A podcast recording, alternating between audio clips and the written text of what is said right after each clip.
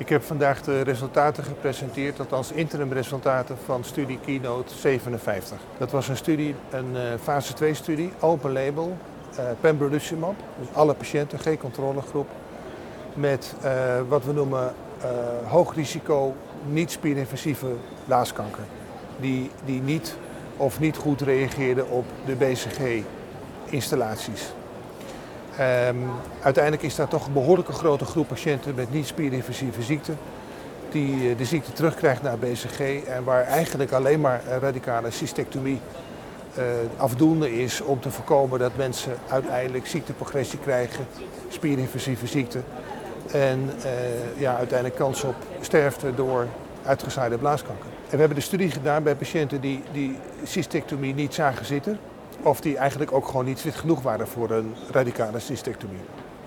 Patiënten kregen pembrolizumab, zoals we dat ook doen uh, in, de, in de tweede lijn. Hè, dus bij mensen die uh, eerder met platinumtherapie zijn behandeld voor uitgezaaide ziekte. En um, we keken elke 12 maanden in de blaas om te zien wat het resultaat van de behandeling was. En we deden elke zes maanden deden we CT-scans. En wat we zagen was dat uh, 39% van de patiënten we hebben data gepresenteerd van 103 patiënten. En 39 procent, dus 40 patiënten in totaal, die hadden uh, op het punt 12 weken volledig verdwijnen van hun aanwezige niet-specifieke ziekte. En uh, wat relevant is, is dat het merendeel van die respons ook behouden bleef gedurende de huidige loop van de studie. Hè, dat is dus sowieso gemiddeld al meer dan zes maanden. Er was ook geen enkele patiënt met uh, wat meer uitgebreide ziekte in de loop van het traject. Uh, dus de window of opportunity om alsnog een cystectomie te doen, die hebben we niet verloren. En ik denk dat met de huidige uitkomsten we kunnen zeggen dat dit wellicht een, een nieuwe weg is om patiënten te behandelen met op zich dus toch wel een, een, een, een serieuze uh, aandoening.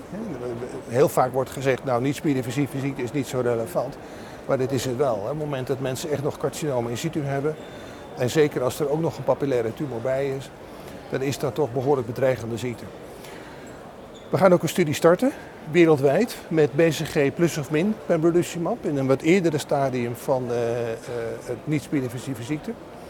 Uh, om uiteindelijk dus werkelijk de winst van de toevoeging van pembrolizumab aan te tonen. Ik denk dat de resultaten vandaag eigenlijk al heel erg relevant zijn en ook de discussant uh, die die studie besprak, die was heel positief over de uitkomsten.